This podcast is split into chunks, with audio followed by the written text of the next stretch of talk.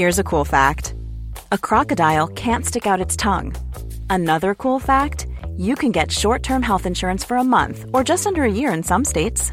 United Healthcare short term insurance plans are designed for people who are between jobs, coming off their parents' plan, or turning a side hustle into a full time gig. Underwritten by Golden Rule Insurance Company, they offer flexible, budget friendly coverage with access to a nationwide network of doctors and hospitals. Get more cool facts about United Healthcare short term plans at uh1.com. Hey, I'm Ryan Reynolds. At Mint Mobile, we like to do the opposite of what Big Wireless does. They charge you a lot, we charge you a little. So naturally, when they announced they'd be raising their prices due to inflation, we decided to deflate our prices due to not hating you. That's right. We're cutting the price of Mint Unlimited from $30 a month to just $15 a month. Give it a try at mintmobile.com slash switch. $45 upfront for three months plus taxes and fees. Promo for new customers for limited time. Unlimited more than 40 gigabytes per month. Slows. Full terms at mintmobile.com. Hallå! Simon Gärdenfors heter jag och snart börjar min podcast Arkivsamtal. Jag kör ett par gratisgig i Stockholm i sommar. 11 juli så kör jag stand-up på Taket, Gondolen, stand-up comedy. Sök efter detta på Facebook för mer info. Nu i sommar uppträder jag också på tv-inspelningen av Släng dig i brunnens nya säsong. 14 augusti så uppträder jag och Anton Magnusson bland annat. Det är gratis, men det blir alltid fullbokat svinsnabbt. Så boka bord redan nu, för vi vill gärna ha folk som gillar vår humor i publiken. Jag testkör min tredje standup-timme någonsin. Endast en gång i sommar och det är 31 augusti på Lund Comedy Festival. Lika bra att säkra en biljett till det redan nu också alltså. För de kommer kanske bli slutsålda de också. Det är alltså nya skämt som inte tidigare varit med i mina specials som finns på YouTube. Länkar till allt det här hittar ni på gardenfors.blogspot.com. Ni får jättegärna stötta min verksamhet som entertainer på patreon.com arkivsamtal. Säg tack Simon för att du fortsätter pumpa ut poddar även när det är sommar när de andra har uppehåll. Ni kan också bara swisha valfri summa till 0760724728. Uppskattar som fan alla som gillar och stöttar mina grejer. Följ mig också gärna på sociala medier som till exempel Instagram och Twitter. Det är både roligt och informativt. Men nu kommer Arkivsamtal som klipps av min redaktör Marcus Blomgren. Mycket nöje.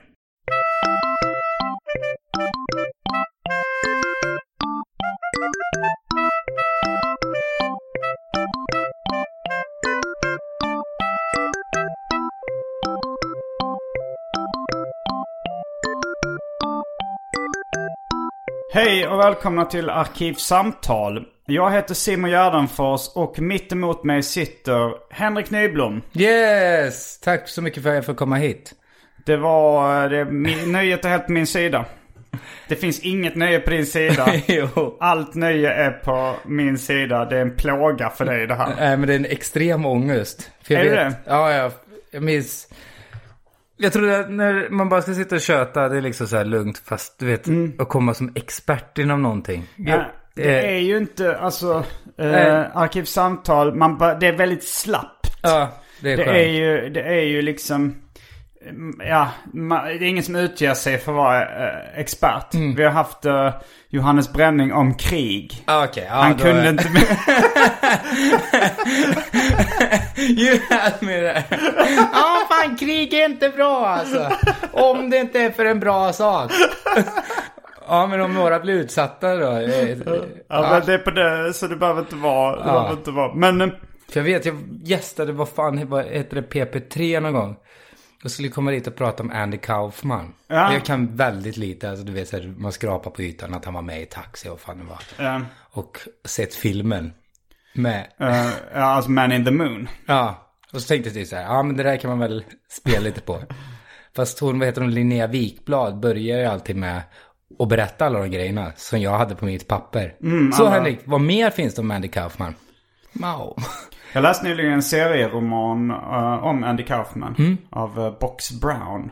Som är, han har ju, verkar ha ganska liknande intressen. vad jag har. Han har även gjort ett om Tetris. Ah. Spelet. Eh, men då fick jag reda på en del som jag inte visste om Andy Kaufman. Mm. Att han egentligen var snäll. Eller vad är... Ja, jo han var väl rätt snäll. Ja, vad fan. Det, det, det som jag gillar är att gilla svin mycket med Andy Kaufman. Fast man gillar idén väldigt mycket mer. Om det egentligen. Jo, så är det ju. Han, eh, för er som inte känner till honom så var han en väldigt experimentell komiker. Kanske var det 80-talet han var som störst eller Ja. Ehm, Och ja, nej jag skrattar inte så mycket när jag ser hans uh, comedy. Nej, det är så jag tycker det roligaste är... Ja, men, jag vet inte fan om man förstår sammanhanget. Det är ju när han kör den här låten I trusted you. Som går likadant hela tiden bara. Så sa han I trusted you, I trusted you, I trusted you. Och så så han bara pekar och sjunger låten om igen. Men det märks ändå att du är inspirerad av eh, den Ja, typen. ja. Du, eh, vi har inte presenterat dig men du är något av en experimentell komiker. Ja, man gillar man gillar det där med att bluffa. För, som han gjorde liksom, eh, Andy Kaufman. Ja, vi ska inte fastna på honom. Ja, Nej, det ska Hen- inte jag. Henrik Nyblom här, vad roligt. Eh, just det, det har vi redan sagt ja. Det har vi sagt ja. Mm. Och ehm, idag eh, så ska vi prata om att göra det själv. Ja, Do it yourself-kulturen. Det var ditt val av ämne. ja, DIY. DIY. Men jag kände att där vi länkar samman det väldigt mycket. Det gör vi ju. Förutom eh, experimentell humor har jag väl också gjort Ja. en del. Att jag har uh, ljugit om att jag dödat ett barn i Kambodja. Ja, ja. Det är någon form av experimentell humor. Ja, verkligen. Vad fan. Knulla barn är väl också experimentell humor Ja, ändå. jo. Nej, men, att Det bara- kanske är lite mindre experimentell eh, Mm. än, äh, än när man bluffar media. Liksom. Ja.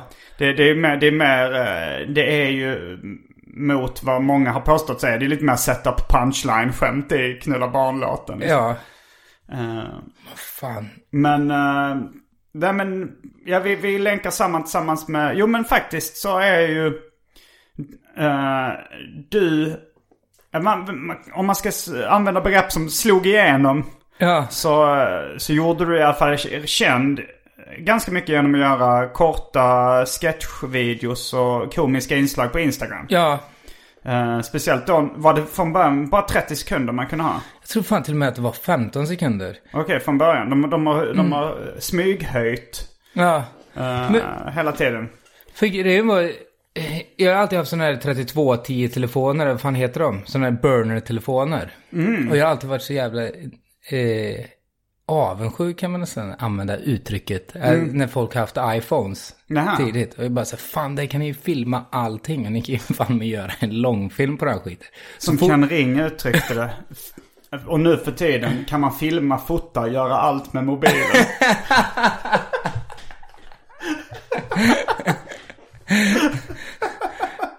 Fan. Eh, Thomas Tranströmer trodde jag. Men det visade sig vara Ken Ring. Han skildrar vår samtid. Eh, men, eh, ja, men, men skaffade inte du iPhone tidigt då? Eller gjorde du de här kortfilmerna på Instagram? Ja, Nej, du måste ju ha haft. Ja, precis när jag fick iPhonen. alltså det okej. var ju typ en längtan till att man kunde... Var det ekonomiska eh, spärrar som hindrade innan eller var det? Jag vet inte fan vad det var. Alltså... Jag tror jag inte fattade det riktigt. Nej men du, du börjar göra sådana och eh, du är också barndomskompis med Petter Bristav. Och jag gissar att han delvis var inspirerad av dig när han började göra en sketch om dagen Ja, på. Instagram. Ja, det... Säkert. Och det... det blev aldrig en, ett helt år tyvärr. Nej det blev inte ett helt år. Eh, han är inte riktigt lika dogmatisk som jag är. Nej. Du kör väl fortfarande ett skämt om dagen? Ja, jag skriver fortfarande ett skämt om dagen och Mm. har gjort det i eh, sju år nu har jag skrivit det. Men jag har missat en dag på de sju åren. Är det så? Vad hände då? Mm, jag, jag var jetlaggad, jag var förkyld och jag var aspackad. Ja. Eh, skulle ta en tupplur vid eh, 15-snåret. Vaknade 01.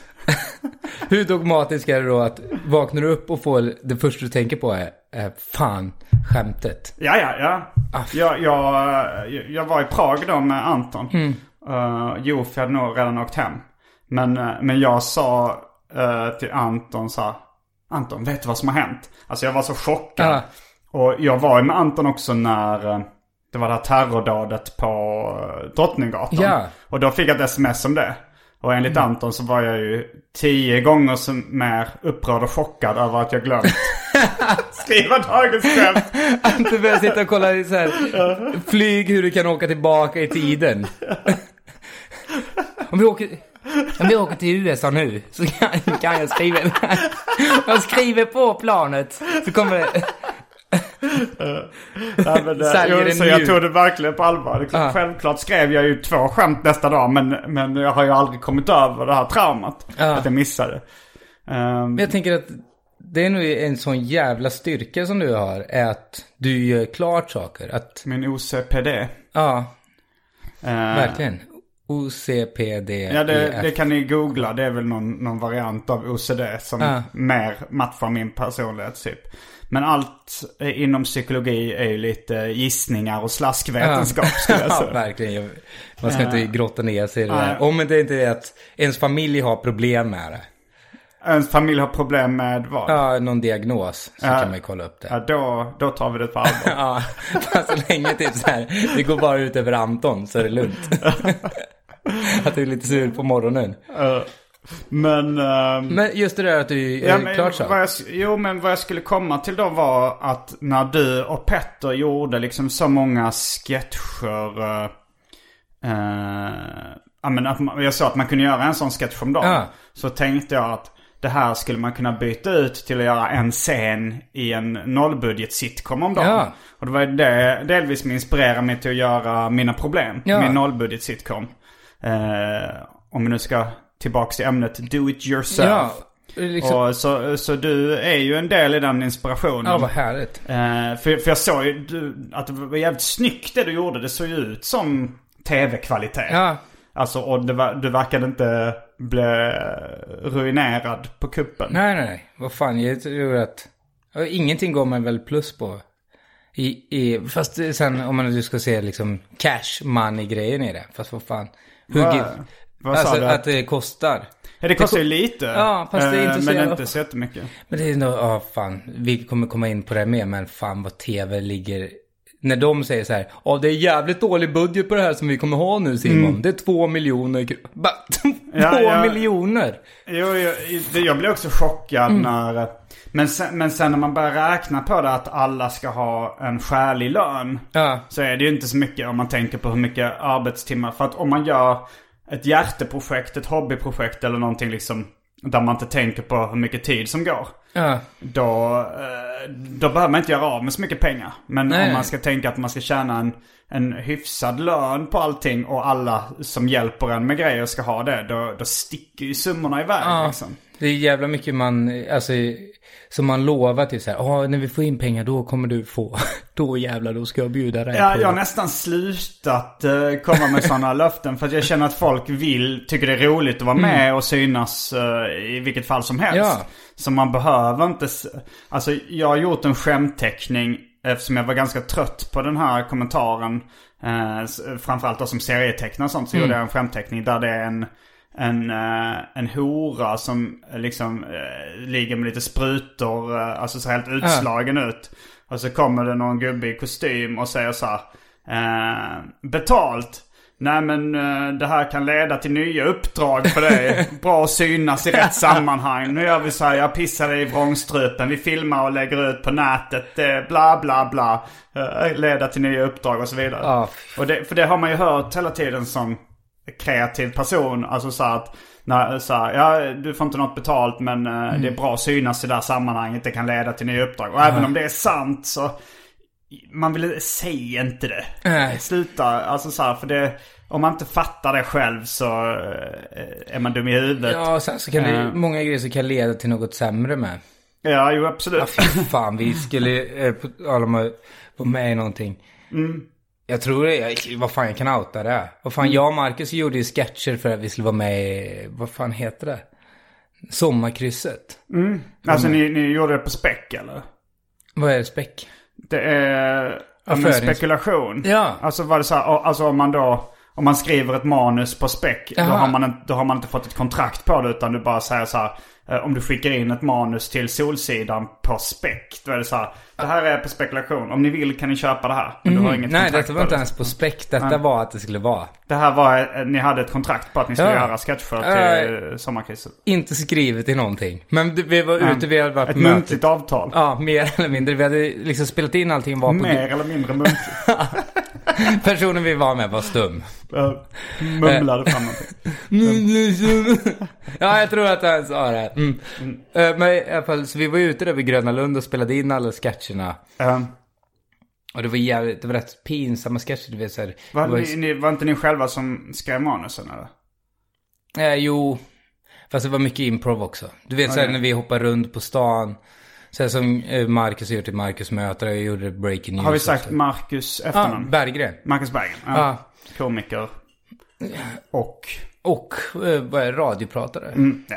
Eh, vad fan, så gjorde vi alla de där jävla sketcherna och du vet, vi stod och gjorde den jävla glassförsäljning eh, och stod, eh, hade händerna i jävla sockervaddsmaskinen och sprang ut i spökhuset och plockade skräp och brottade ner någon jävla vakt och sån skit.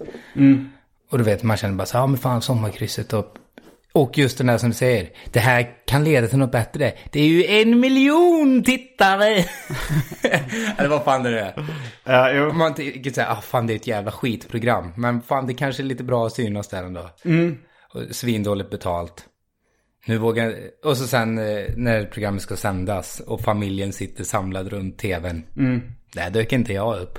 Nej, nej. Det, men fick ni betalt för det? Jag har inte, Har vågat, jag har inte vågat skicka fakturan än. Nej, men gör det. Ja. Ja, ifall du har ett muntligt avtal. Men det var väl, det var väl att TV4-gruppen tyckte inte att det var så kul.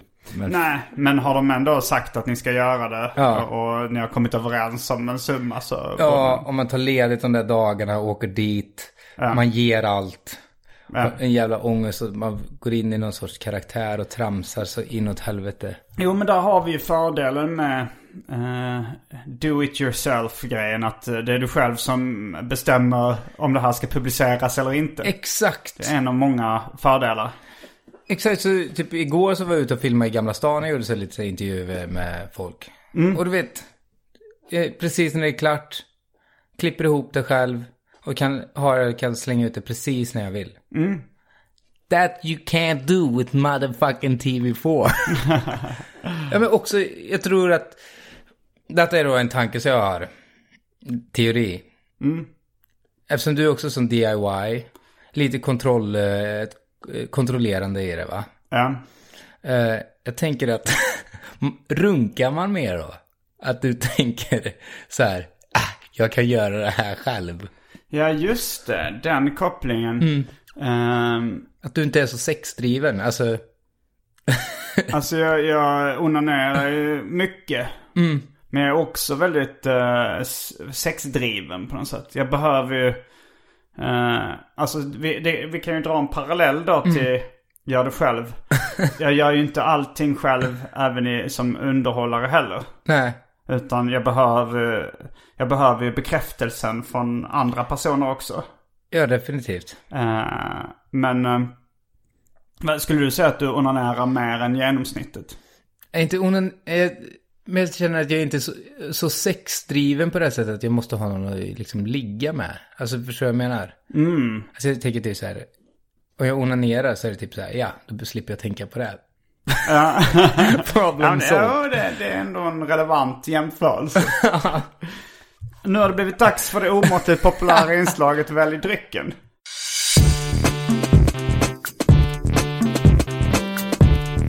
Jag tror vi börjar med det fasta inslaget Välj drycken! Och här kommer alternativen. Eh, Fanta Zero. Eh, smaken apelsin, den finns i en stor flaska som jag inte druckit direkt ur. Eh, det finns eh, Fanta Raspberry i en liten flaska som jag har druckit direkt ur. Sen finns det Martini, det finns Sherry, det finns Go-Joy Energy Drink, det finns Red Bull i smakerna kiwi, tropisk apelsin och cola. Det finns häxblandningen. Det vill säga alla drycker som fanns i min kyl innan ni genomgick en så kallad corporate rebranding. Och för tråkmånsar och nejsägare, vatten. Men fan, ska man köra Fanta? Fanta Zero. Vilken smak? Äh, vi kör den som du inte har kört din... eh, Apelsin. Ja. Då kör vi på det. Um, hmm. Ska jag också ta... eh, Jag kör också på det. Ja, Fanta. Den har vi- svarta drycken. Ja, alltså den är... Alltså i, i USA så tror jag att... Jag är inte helt hundra på det här. Men att... eh, jag såg programmet Keenan and Kel. Vet du vad det är för något? Nej. Eh, jag tror... Ja, men det var på Nickelodeon. Mm. Eh, två svarta komiker tror jag. Ja. Som hade något av en ungdomsprogram. Och där var Kel då i Keenan och Kel fixerad vid orange soda. Och han var så mm, Inglows orange I soda. love that OG! Ja, det var inte or orange juice. Aha, det- det... var orange soda, alltså apelsinläsk. Eh, så var det inte en kliché att afroamerikaner gillar apelsinläsk innan så blev det det lite i och med den tv-serien. Ja, det är en stereotyp som eh, infriar lite för ofta, känns som. Du vet, när jag jobbade i bar i London, så var det väldigt vanligt att, om det var en svart person som kom, att de köpte Fanta. Är det sant? Ja, ja. Ja men då, då jag, jag tycker ju det är coolt. Jag gillar Ja, ja. afroamerikansk kultur. Så, Ja, då, så- då, det gör det att jag ännu mer vill dricka Fanta Ja, idag. ja, ja. det är närmsta svart vi kommer. Ja, då är vi strax tillbaks med dryckerna. Kända från det omåttligt populära inslaget Välj drycken. Välj drycken! Häng med!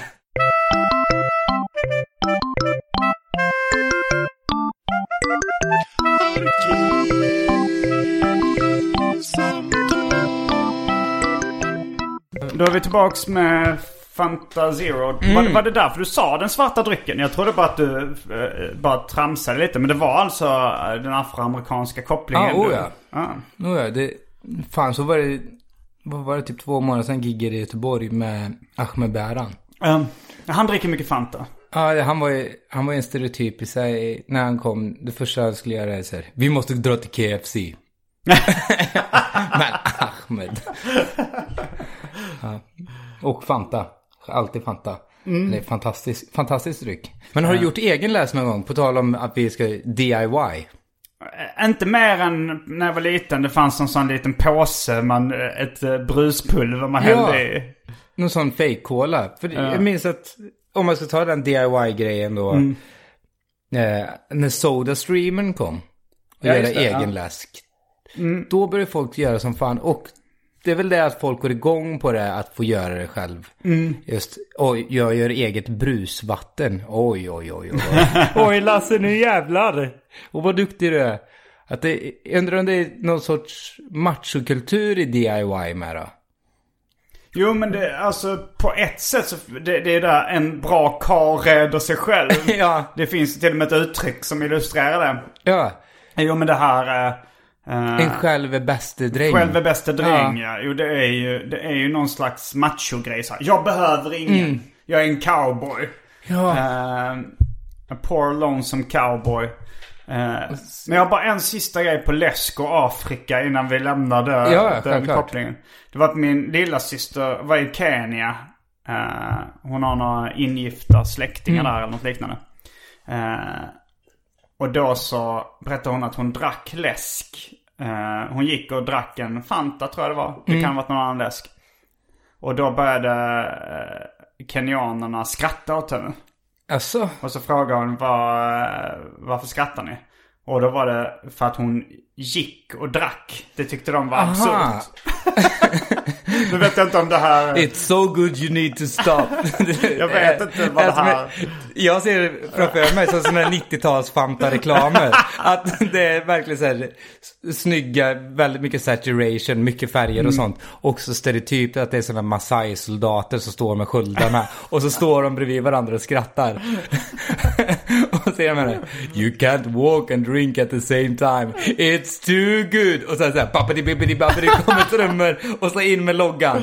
Stay bamucha, drink the Fanta. Vaguely racist. Ja.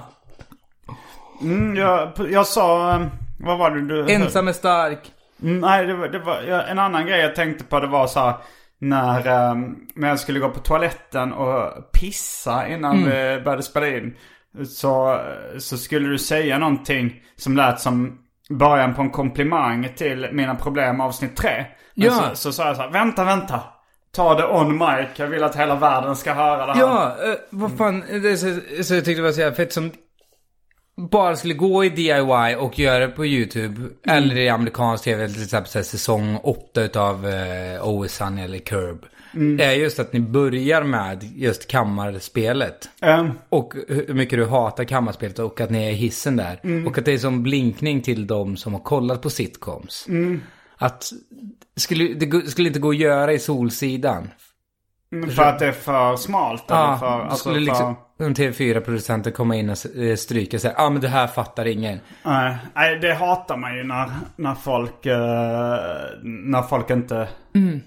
Tror att, eh, ja men när man inte får, får lov att vara smal. Ja. Men jag tänkte också, för det finns ju en risk att folk stänger av om de tror att hela, om man då är en av dem som jag som tror, som hatar kammarspel. Ja. Om man tänker, åh nej, nu kommer hela avsnittet inspela, utspela sig i hissen.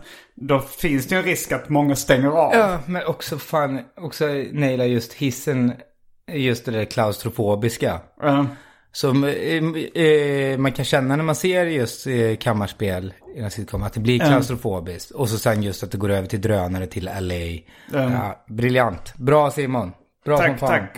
Nu fick hela världen. Ja men jag sa ni hade spelat in någon väldigt rolig sketch i en hiss också. Eller som delvis utspelar sig i en hiss. En hjälpande hand. Ja, just det. Eh, Karlsson kom på grundidén där. Eh, och grundidén var bara så här. Jag tänker en man som har fastnat med handen i röven. och så går det bara ut på att han ska hjälpa honom att dra ut handen ur röven. Och så sen så blir det någon sorts homoerotiskt i det. Eh, ja men den är väldigt rolig. Det jag kan rekommendera är DIY. Jag har lite, eh, alltså jag är inte så van vid uttrycket eh, do it yourself och DIY. Det fanns inte riktigt i min värld när jag började i den här eh, svängen. I, alltså, men, men jag kan rekommendera är D, eh, do it yourself YouTube eh. Golden Retriever finns det. Golden Retriever Productions heter Ja. den på YouTube. Och det, Ja. det är liksom hemmagjorda sketcher. Ja, Väldigt skojiga. ja tack vad han var. Eh, Men, vad sa du? Tack. vad- tack vad snäll du är. Ja. Och så drack jag samtidigt. Du vet, jag kan inte hålla mig från den här fantan. Nej. Men vad fan, egentligen stand-up och sånt, eller vad fan om man ska gå ännu längre bak inom det du håller på med. Fanzine är ju fan super DIY. Ja, ja det, var, det var ju där... ehm, det var ju där allting började för mig. Ehm, faktiskt genom... Men nej, för sig så gjorde jag nog det innan jag kände till fanzinkulturen. Då var det ju bara att jag... köp- Man köpte serietidningar på, på Ica och, och kiosken som barn. Och sen så... eh, när man såg att eh, ens pappa och mamma hade kopiatorer på Ja. jobbet. Då tänkte man då kan jag göra min egen serietidning. Och så gjorde, så gjorde jag det med, jag tror den första som jag kopierade upp uh, hette Snörvel. Eh, ja, kanske kongenialt då eftersom jag var en snorunge när jag gjorde. Jag gick väl i mellanstadiet och gjorde det med min kompis Viktor Arve. Och sen, men sen upptäckte jag då att det fanns en fanzinkultur. Det var genom tidningen Python då, äh, Megapython. De hade en annons för, eller David Liljemark tecknade Ja. i den professionellt. Alltså o- ovan jord då. Men de, eh, där fanns annonser för fanzin. Ja.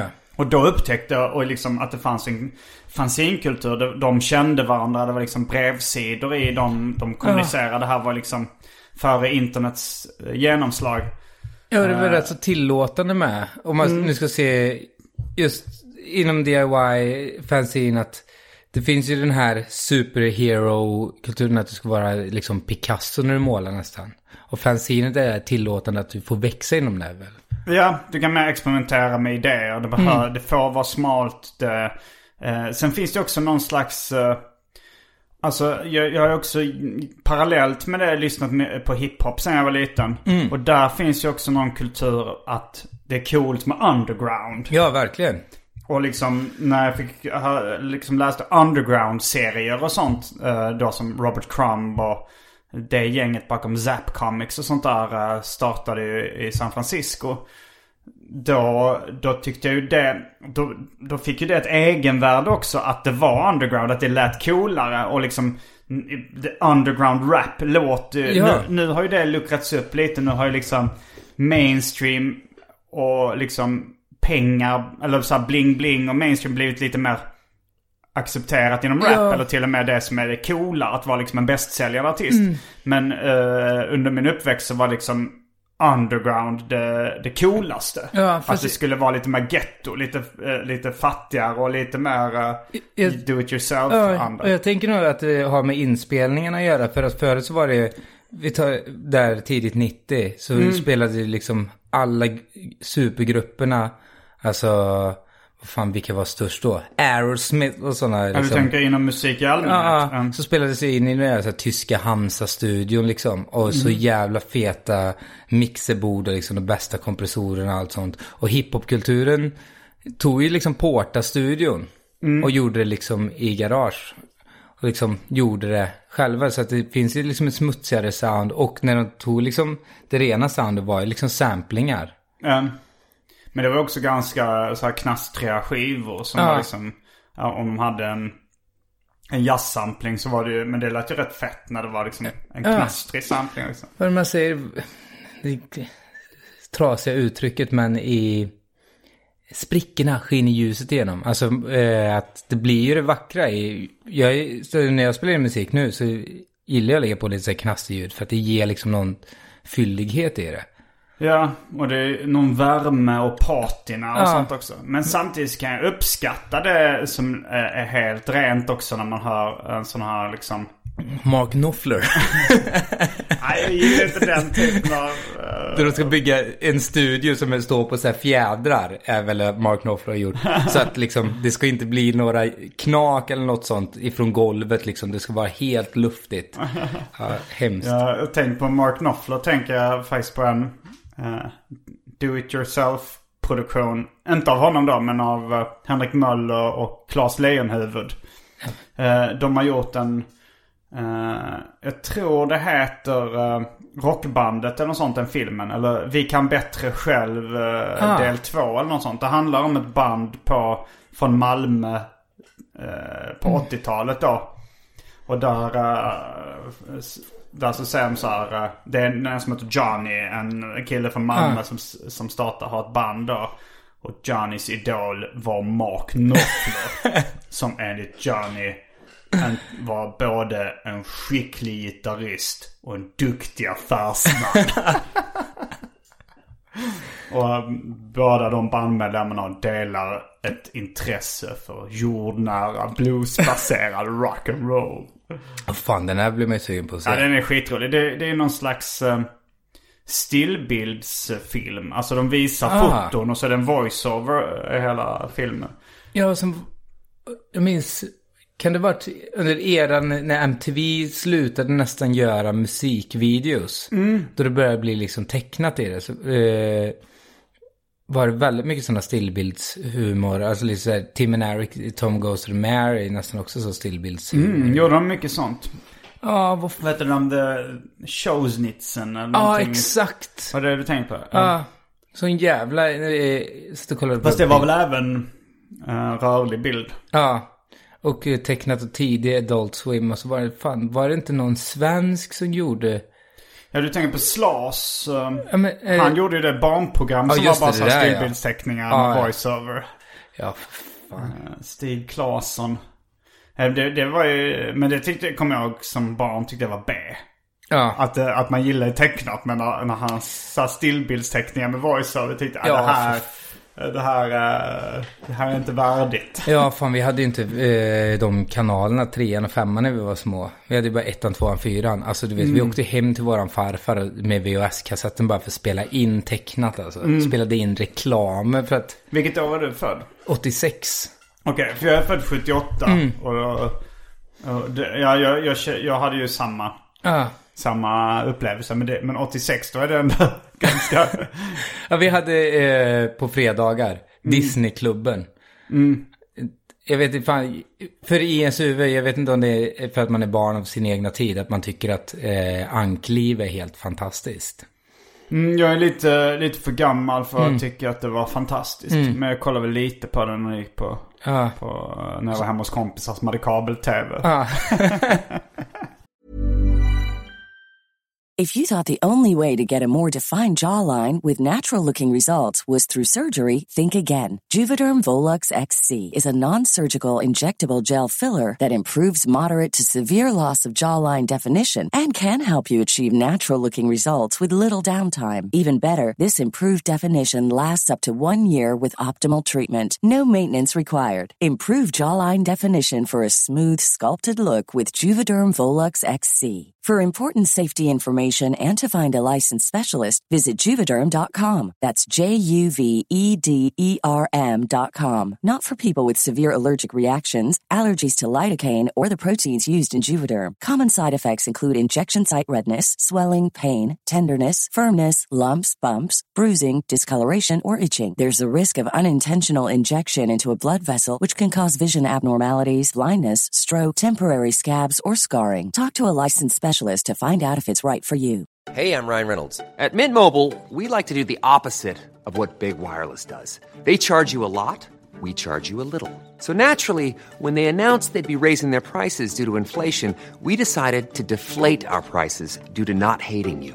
That's right. We're cutting the price of Mint Unlimited from $30 a month to just $15 a month. Give it a try at mintmobile.com slash switch. $45 upfront for three months plus taxes and fees. Promote for new customers for limited time. Unlimited more than 40 gigabytes per month. Slows. Full terms at mintmobile.com. You should celebrate yourself every day, but some days you should celebrate with jewelry. Whether you want to commemorate an unforgettable moment or just bring some added sparkle to your collection, Blue Nile can offer you expert guidance and a wide assortment of jewelry of the highest quality at the best price. Go to BlueNile.com today and experience the ease and convenience of shopping Blue Nile, the original online jeweler since 1999. That's BlueNile.com. BlueNile.com. Ja, det gick faktiskt på mm, SVT också. Det var ju det var någon av dem som hette Knattar och någon av dem som hette Ankliv. Ja. TV3 tror jag hette Knattar och på SVT hette det Ankliv. Ja, DuckTales. Ja, på engelska. Med, fan så jävla bra namn, 15 spadring istället för Kalanka. Han som, sa, han som var Gizmo Quack. Eh, ja, jag har ju som, inte, som sagt inte kollat på det så mycket. Mm. Men vad sa du? Han hette 15... 15 spadring. Han jobbar i bönfabriken med att det kom bönor och så räknade han bönorna som skulle in i varje burk. Men är det en vits? Ordvits någonting? 15 spadring? Ingen aning. Ah, okej. Jag tror att det är amerikanskt att han heter det på engelska med så de Mm, de riktigt- översatte lite fritt. Spadring vet du fan. Spadring. Bra engelska där. Mm. Jo, eh, vad fan. Jag sk- eh, skrev också ner... Eh, jag tänker på de eh, DIY-grejerna som antagligen du är uppvuxen med. Hike. Just det. Alltså det är väl mer... eh, Just hela pysselgrejer. ja. Bengt Alsterlind. Han gör ju fortfarande hikes på webb-tv. Gör han det? Okej, att nu har det gått, för då var det liksom DIY på tv. Nu har det gått hela varvet runt. Att han Där, står... där han, det, det är på uppdrag av Aftonbladet TV eller något liknande. Han Ja, då de slänger på dem typ en så här Wu-Tang Clan t-shirt eller Ja. något sånt. Jag gissar att det inte är han själv som lyssnar på Wu-Tang. Nej. Se honom längst fram stå där och köra Tjej mannen!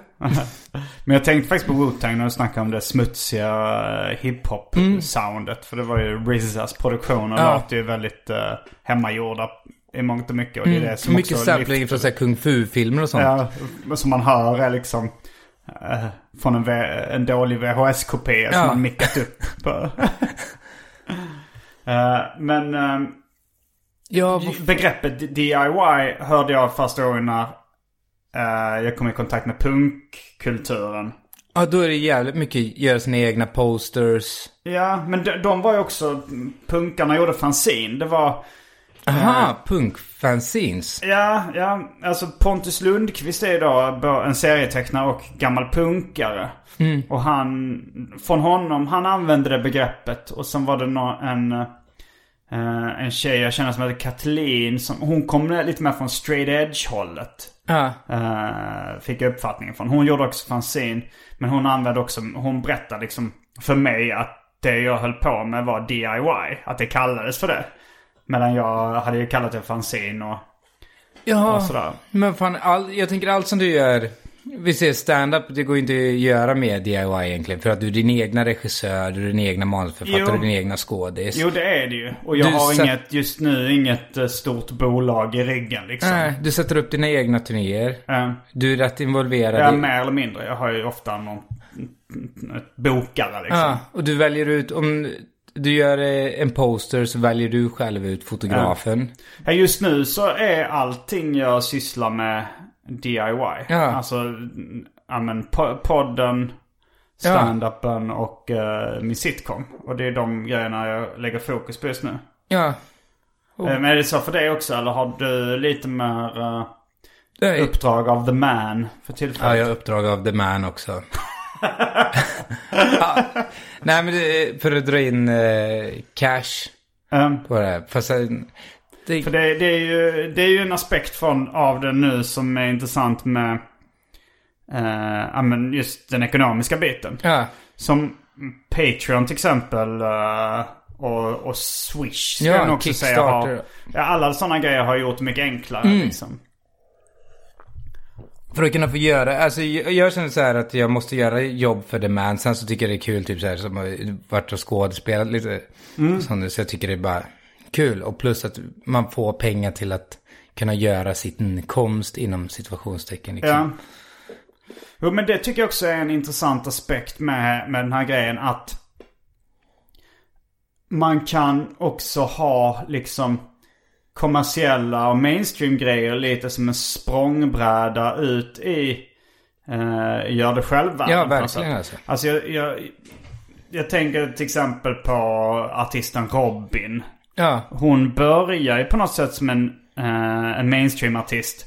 Sen startade hon sitt eget skivbolag och släppte alla grejer själva, Ja. själv liksom. Att, eh, det, jag tycker inte alltid det är dåligt med liksom mainstream-vägen eller den kommersiella vägen. Jag brukar ju tacka ja till Ja. den typen av uppdrag också. Men det är ju delvis för att få in pengar då till att kunna göra exakt det jag vill. Ja. Och för att eh, eh, dra in följare och fans och folk och liksom som, som kan, man kan locka till sig till. Även om jag är med i eh, ja, men om jag skulle vara med i Solsidan Ja. till exempel. Då, då skulle jag ju liksom göra det också för att eh, folk skulle upptäcka mig via den vägen och Ja, hitta mina exakt. grejer som jag kanske brinner för på riktigt. ja och lite komma dit och kolla och säga jaha, de gör så här på den här inspelningen. Jaha, vad gör Ja. den där personen? Att du hela tiden eh, analyserar för att få in det till ditt egna verk längre Jo fram. absolut. Så gjorde jag, när ni eh, gjorde motorcykelkriget. Då gick jag dit. Det var innan jag startade mina problem. Då, då gick jag bara på studiebesök. Ja, som är liksom helt rätt i den där. Eh, Jag tänker att det finns skillnad mellan sådana som gör saker och ting för kändisskap. Eller eh, vi tar till exempel som inom musik. Att det finns ju de här som bara är artister då. Som du säger, du får låten skriven åt dig. Du får en producent utvald åt dig. En stylist kommer fram. Någon så här, och den här regissören ska vi ha. "Nej, Jag bryr mig inte vilken regissör det är. Och så kör de bara på, spottar ut och sen så får du komma och prata om ett verk som du inte egentligen har någonting med att göra. Nej, det är inte din sångröst kanske ligger på liksom. Eh, Ja, men i den positionen uh, blir man också väldigt sårbar. Ja, För eh, om då den här apparaten plötsligt väljer att satsa på någon annan. ja. Då, då kanske du inte har lärt dig att göra allting själv. Nej, exakt. Det är li- exakt så tänker jag liksom att du kommer för sent på ett möte. Sen bara så här, ja, det finns en ny tjej att välja ut. Ja, eller att du börjar bli lite gammal och lite ful kanske. Mm. Eller, eller, liksom, eller att de bara sa du, ja men den, den låten blev ingen hit. Nu satsar vi på ett nytt fräscht blad. Mm. Ja. Liksom. Sånt, sånt händer ju hela, hela tiden. Ja, vi säger till Men- exempel, vi tar eh, som exempel till exempel om Knulla barn eh, hade varit skrivet från någon annan och du Det inte hade hade... varit roligt om det var en sån här, eh, en storbolagsprodukt. att det har analyserats Karl. Falk. Ja men att man behöver så här, de, de har analyserat så här, eh, ja men verkligen. eh, ja men vi ska ha något provokativt, vi Mm. ska liksom utnyttja influencers som blir arga för det för att lyfta upp det här. Ja. Och tänkte, det hade varit roligt om det hade varit en sån så- storbolagsprodukt i grunden. Ja, alltså, eh, Karl Falk, Max Martin har suttit i studio. Kjell Back lägger lite gitarr på det. Bara säger, fan vi måste hitta soundet. Vem ska vi ha? Vem fan ska vi ha som skulle kunna leverera det bra?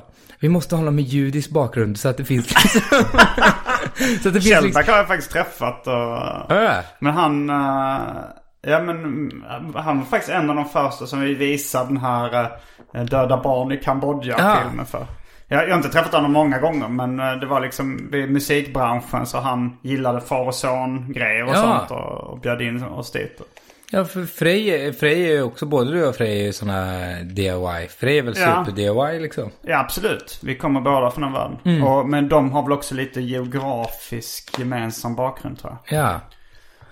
M- Men just det där med att bli en sån artist som inte kan någonting. Mm, ja, eller de kan ju säkert sjunga bra Ja. till slut. De lär ju sig kanske med hjälp av en vokalproducent. Ja. Kuk Harald på Suga Wuga Productions. Känner du till honom? Det är den mest... eh, eh, Kuk på Suga är den mest profilerade vokalproducenten i världen. Är det Han heter Kuk Harald, eller jag vet inte hur du ska säga. Cook Ja. Harald. Eh, och hans bolag heter Sugar Wugga Productions. Men det står för Suga Wuga. Så Kuk på Suga ska man anlita om man vill ha väldigt bra vokalproduktion. Fan. Alltså det, han jobbar med Rihanna och eh, Justin Ja, Bieber. fan är det inte han som har skrivit Umbrella? Nej, Det här, för jag vet att jag... det vet jag inte om han... Jag tror någon- han är mest vokalproducent. Mm, för Men eh, The Dream har varit med och skrivit Umbrella. Mm, och han har skrivit grejer och Baby och Justin Bieber också. Mm. Jag gillar ju The Dream då som... Eller han har varit med och skrivit i ofta lite större team. Men jag gillar The Dream väldigt mycket som um, soloartist. Ja. Jag är inte så förtjust i dem. Ja, eller vissa grejer. Jag tycker Baby Mm. av Justin Bieber är en jättebra låt. Aha, ja. Men, eh, men jag tycker... baby, baby, oh. Jo men han lägger också till, han är gammal trummis så han lägger ofta till liksom vokalgrejer i takt. Som det här Umbrella, e, e, e. Och, och liksom, det är de upprepningarna. Ja. Det är väldigt typiskt för The Dream. Vad fan, jag vet att jag sökt på Wikipedia just med kuk. Mm, Just med Kuk ja. Jag tror fan jag har sett honom innan just när när Rihanna. För det är något jävla skämt som jag har som är så klassiskt som, som många komiker har. Är att man hör fel ord. Eller att man använder ordet till något annat. Till exempel så här, eh, glans har röven. Lasse, eh, alltså bor ni i röven? Det finns en stad. Ja just det. Mm. Lasse Nielsen har väl, eller Lasse Karlsson, en annan komiker, har att Kiss släppte sitt vin och så säger ja ni dricker Kiss.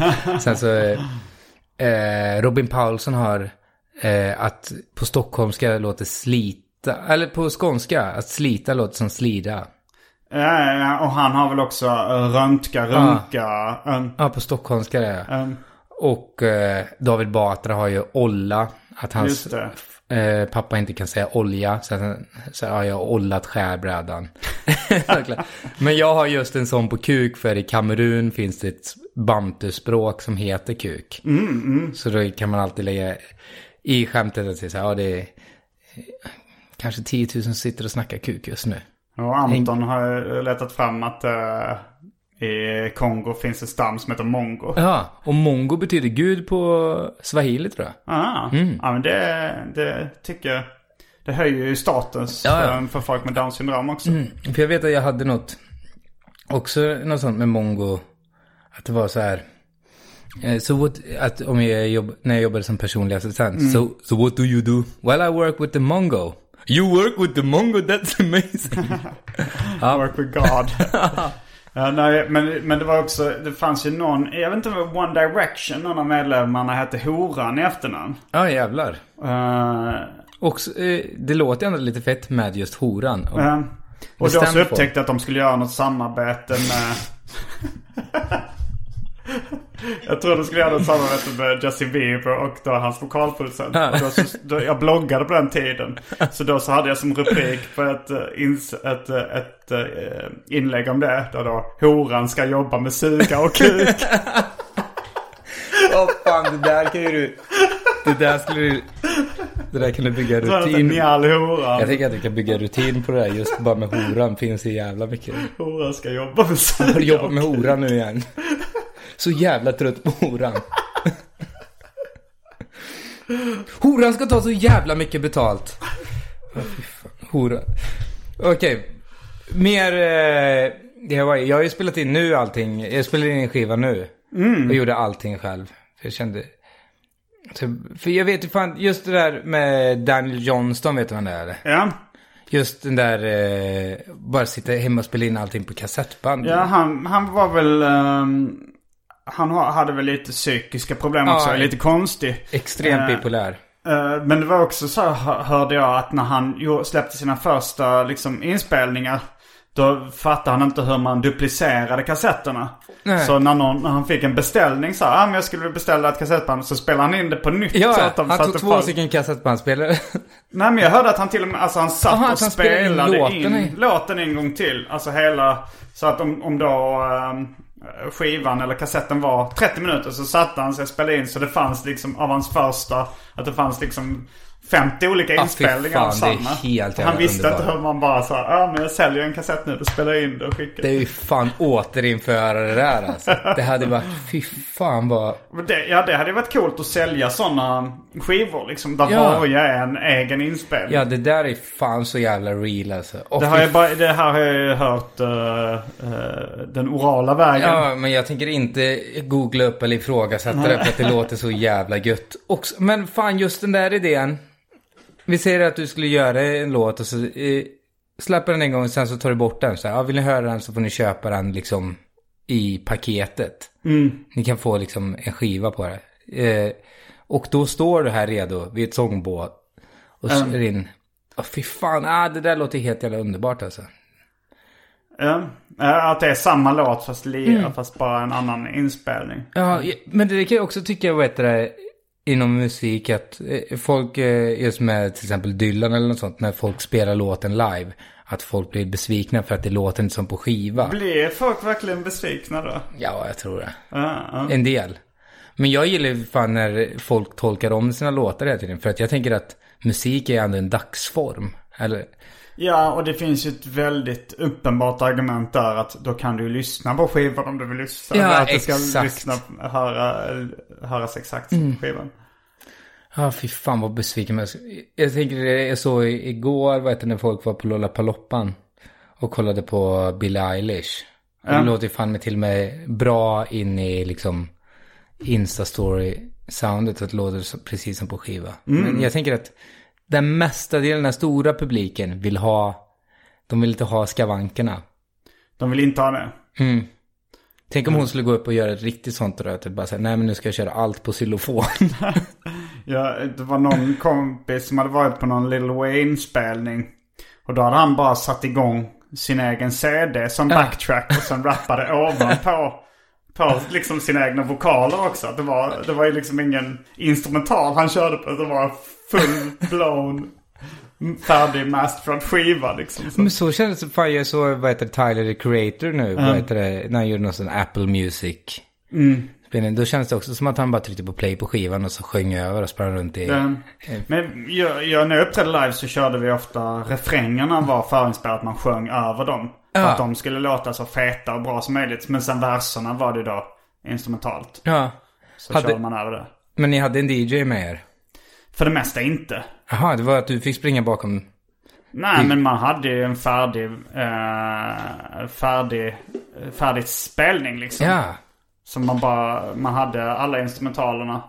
Jag körde som soloartist så hade jag med mig en minidisk eller en iPod. Ja. Liksom körde backtracksen där senare på telefonen liksom. Fan, det är också fett. Det gillar man ju också, just hela den backtracking-grejen. Det är också att du är helt självgående då. Du kom dit med iPoden och bara så här, ja, vad ska jag stå?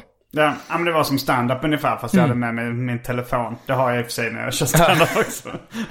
men, men att man pluggar in, man behöver en Men mini-telekabel till den. Men fan, det skulle jag vilja se en föreställning med dig. Också när du kör. Eh, det kanske är sen när du blir ännu äldre och gör mi, mitt livsverk. Ja, du menar att Fast det, det, det kör allt jag någonsin har gjort? det börjar med så, men fan, man skulle ju ändå vilja se att du eh, kör stand-up och sen rappar lite emellan. Fast jag vet inte om man ska blanda det. Alltså du, du kör i och för sig blandar eh, musik Ja. och, och standup. Men så fort jag har sett någon rappa på en ståuppscen så eh, tycker jag inte det blir bra. Nej, men det är oftast de som eh, rappar på eh, scen kan ju inte rappa. Det stämmer ju. Men jag, jag tror inte jag vill. Mm. Alltså Jag, alltså, jag, visste du att Chris Rock var signad som rappare innan han Var var, signad som, eller innan han slog igenom som uh, komiker? Jaha, jävlar.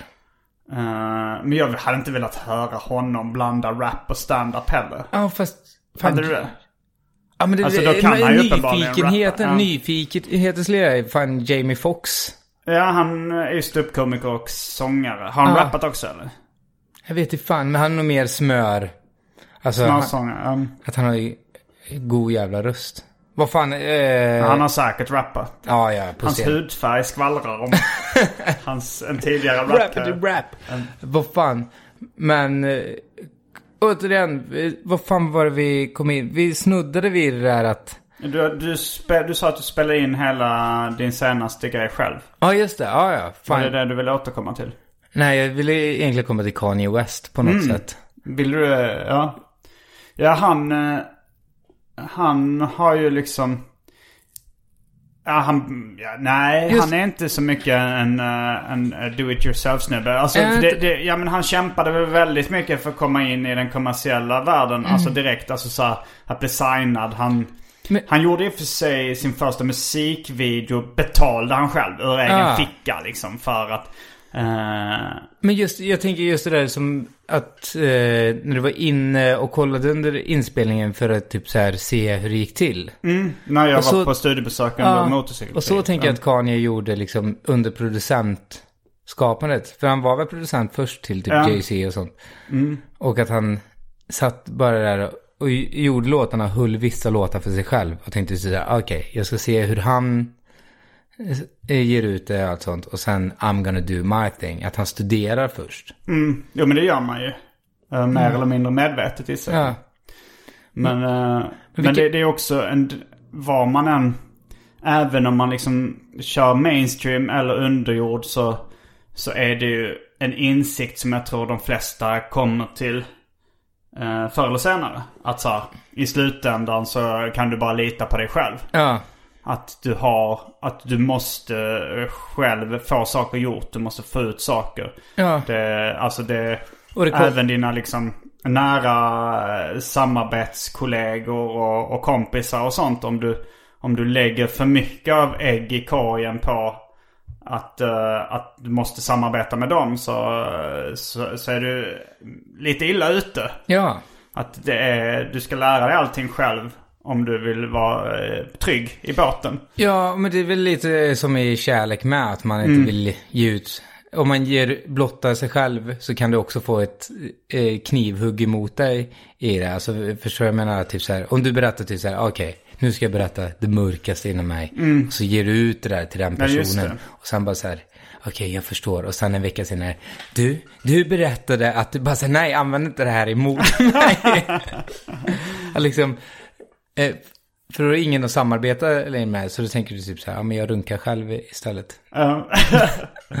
Dålig metafor, men tror det, jag förstår. Men också det där, det blir ju liksom, allting inom DIY är ju att det blir, det blir lite kass i början. Fast slutändan tänker jag alltid att det gynnar. Jag tänker, du har väl läst mycket rockbiografier och sånt, eller? Ja, mycket biografier. Eh, inte så många biografier eh, som haft rock Eller hiphop, eller... Men Elvis Presley, Elvis Aron Presley, Memphis-maffian berättar Ah. i tre delar. Den har jag läst. Och det var det är jättebra. Jag har läst, eh, det, det kan man väl kalla rock. Men Ja. eh, Men jag tänker att... också läst The Dirt. Ja, f- den filmen var ju hemsk. alltså. Ja, den var inte lika bra som boken. Nej. Eh, Men- vad, vad sa du om rockbiografier? Jo, men det är aldrig någon som berättar, någon artist eller eh, som är glad över sitt skivbolag som berättar att typ så här, yeah, get a record deal. Att det är ingen som är glad över det. Alltså att man vill de inte flesta, ha det. För det, det är ju såklart att uh, skivbolaget eh, vill tjäna pengar. Ja, Men, men samtidigt så, eh, det var det jag var lite inne på innan. Att jag tror verkligen att, att folk är lite otacksamma också ibland för det som skivbolaget har gjort för dem. Ja, oh ja. att, eh, att det är kanske de som har gjort dem kända. Och även om de tog en snuskigt stor del av pengarna. Så hade de inte varit kända utan skivbolaget. nej, absolut inte. Och, och, och sen kan de ju gå eh, independent efter det. Ja, Ja, men så, som Och de kan till och med vara independent först, få en extra skjuts av en eh, major label deal och sen bli independent igen. Ja. Eh, Rebranda. corporate rebranding. Nej men vad fan, jag tror Marcus Krunegård nu eh, har gått på eget skivbolag också. Mm. Liksom sån grej. För att just den där att du kan släppa hur mycket musik som helst och liksom skapa Mm. på ett annat sätt. Fan jag vet. Patrik Arve också, eller han ligger väl på några olika bolag. Mm. För sen så gör han egen musik själv med. Liksom.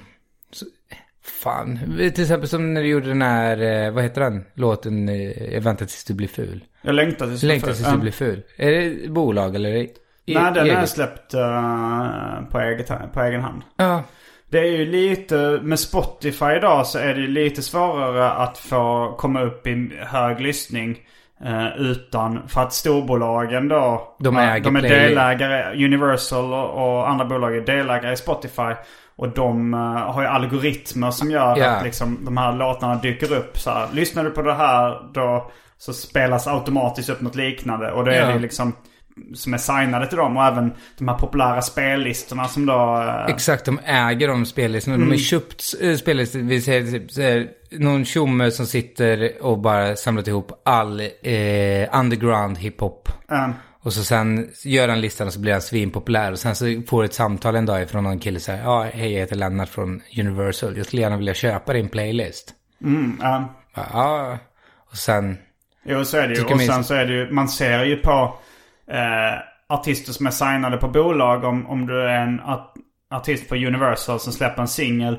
Så hamnar du på kanske New Music Friday som har Ja. en miljon. Och ser man liksom att just den singeln bara sticker iväg i antal lyssningar. Ja, för... Och, eh, och det, då, man kan ju se det också på, alltså så när, när man har, en- när då liksom knulla barn i början eller liksom ja, Mr Cools låtar så Ja. att de, de mutade ju dem innan de tog bort dem så var det så att det inte gick att söka på dem riktigt. Ja.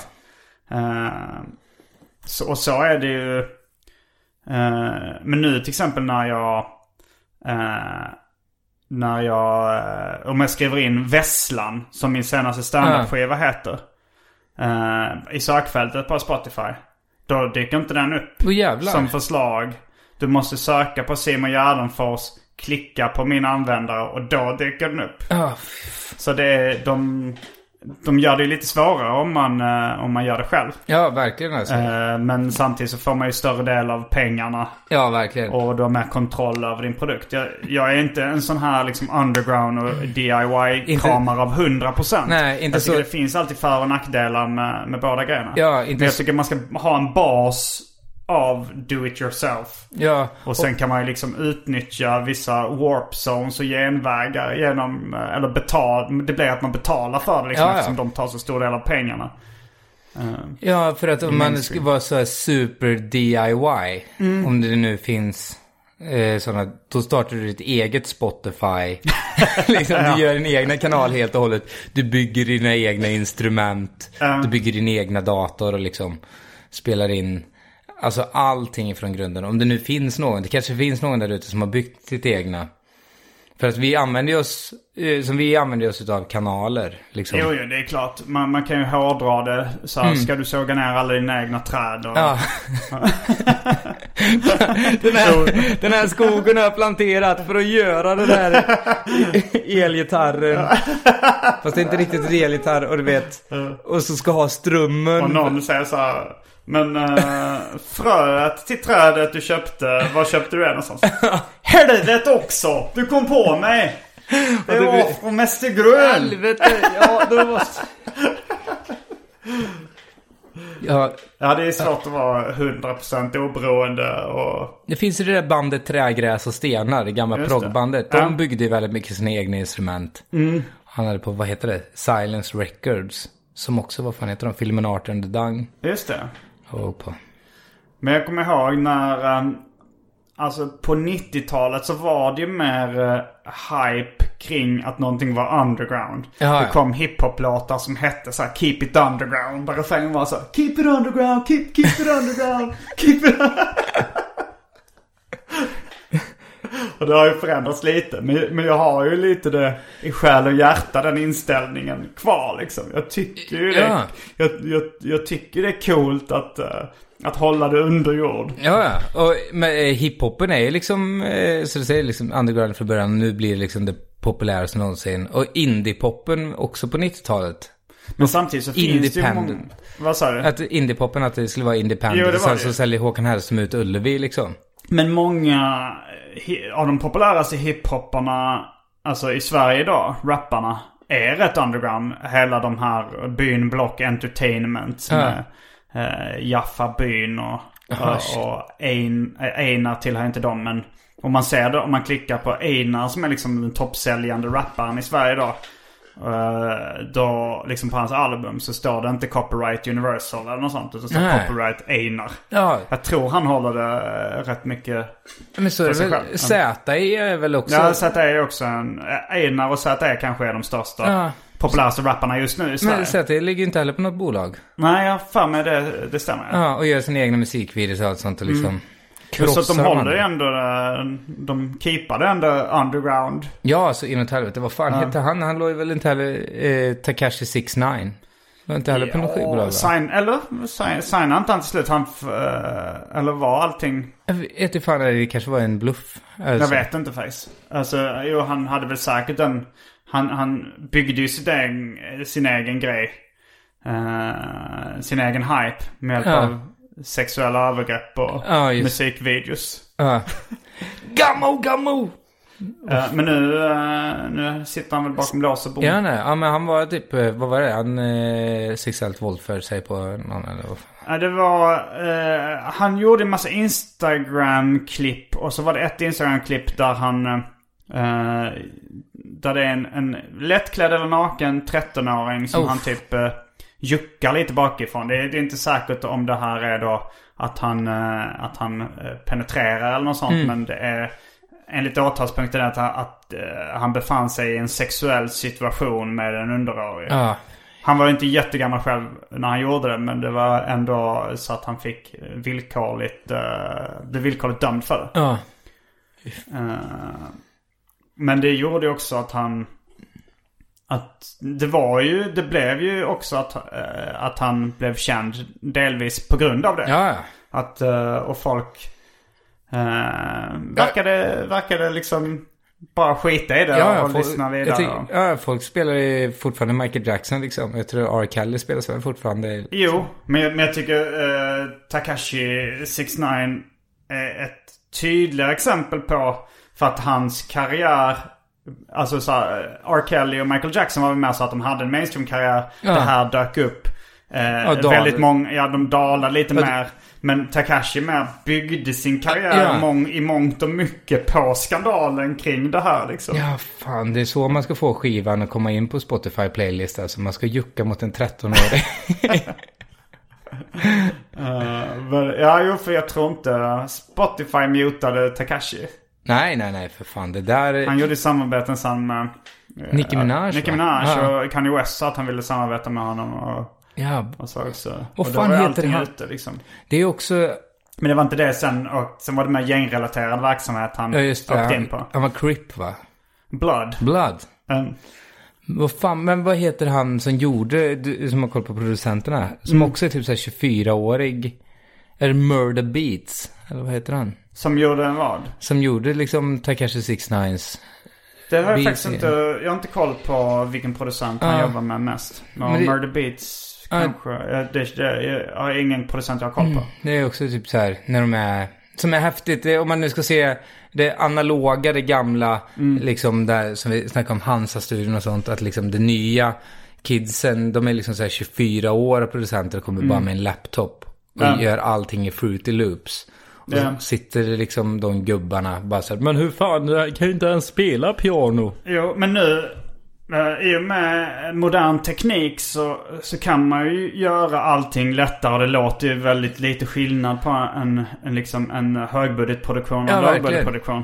Men jag tycker det är intressant att även för att det gick att, eh, att hålla det eh, DIY underground. Alltså så här, ja, men om du tänker Eddie Meduza eh, innan han blev signad av Bert Karlsson. Och, och även Onkel Konkel och liksom. Ja, och- jag, jag upptäckte ju mycket kultur via liksom fanzinvärlden och eh, kassettband. Ja, återigen filmen Art and the Dung också. Ja. S- Svintaskigt inspelat.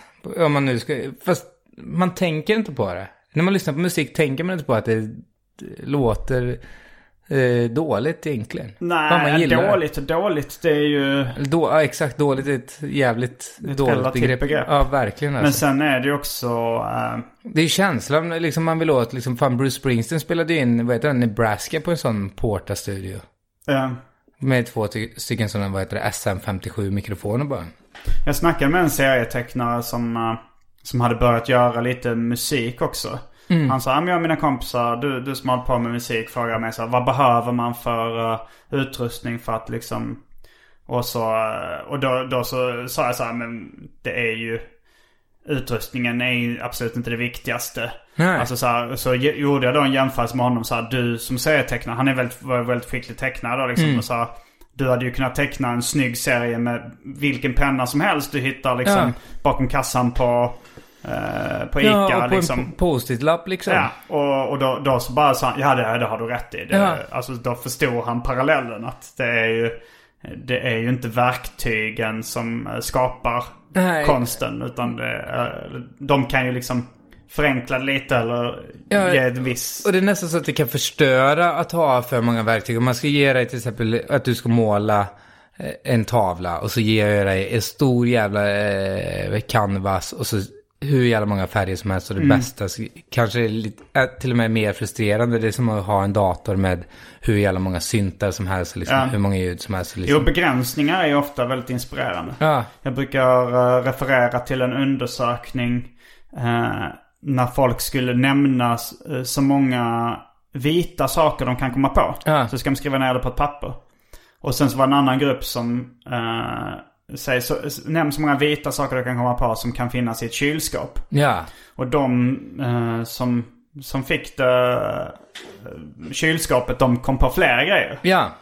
För att ja, den begränsningen är inspirerande. ja exakt. Det är som den där Kom på fler och snabbare grejer. Det finns också någon sån story i att du ska beskriva en stad. Eh, var som helst i världen och alla hade problem. Sen så var det typ så här, okej, narrow it down till att eh, till en gata och så är det en tegelsten. Och så ska ni berätta om den tegelstenens historia. Och då börjar liksom folk kunna skriva. Liksom, det är som inom eh, skämt med typ så här. Ja, du får skriva ett skämt om precis vad du vill. Då blir man ju dum i huvudet. Ja. Fast om du ska skriva ett skämt om typ så här. Ja, eh, salivet som kommer på kanten av munnen när du är törstig. Där. Oj, oj, oj, det är en novell. Och med de orden avslutar vi veckans avsnitt av Arkivsamtal. Jag heter Simon Gärdenfors. Och jag heter Henrik Nyblom. Fullbordat samtal.